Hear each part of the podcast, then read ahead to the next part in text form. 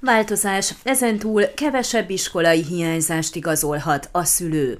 A szeptember elején kezdődött új tanév új szabályokat is hozott, például azon a téren, hogy hány hiányzást igazolhatnak a szülők.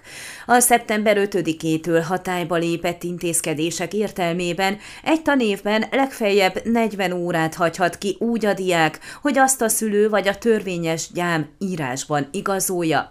Ugyanakkor egy tantárgy esetében a szülők által igazolt hiányzások száma nem haladhatja meg a tantárgyra szánt órák 20 százalékát. Vagyis, ha egy tantárgyból heti egy óra szerepel a tanrendben, a szülő igazolással legtöbb 7 órát igazolhat a tantárgy esetén.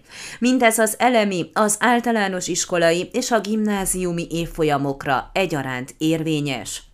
Eddig úgy működött, hogy a szülő akár öt egymás utáni napot is igazolhatott. Volt két fél év, így öt-öt napot lehetett igazolni.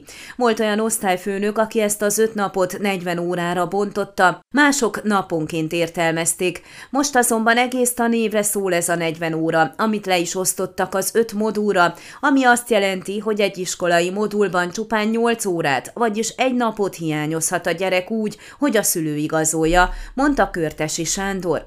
Az iskola igazgató hozzátette, hogy van is felháborodás emiatt a szülők körében, mert ha már a szülőnek megvan a joga, hogy igazoljon egy hiányzást, akkor azt miért ne lehetne tömbösíteni.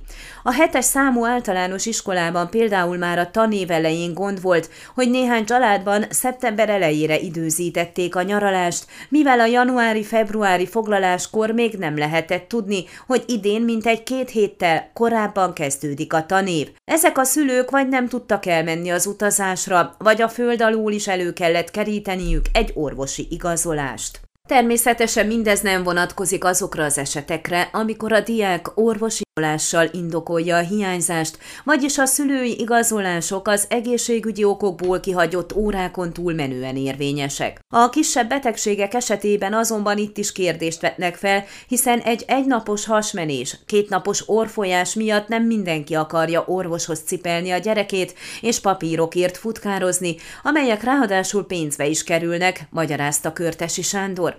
Tapasztalata szerint bevett gyakorlat volt, hogy egy-két napos betegség esetén a szülő írt igazolást, csak három napnál tovább nyúló betegség miatti hiányzás esetében kérték az orvosi igazolást, amely egyrészt arról szól, hogy miért hiányzott a gyerek, másrészt arról is, hogy meggyógyult és ismét közösségbe mehet. Az iskola igazgató úgy érzi, rosszabb lett ezzel a változással a rendszer. Arra ösztönzi a szülőket, hogy orvosi igazolásokért fizessenek akkor is, ha azok nem valós betegséget igazolnak.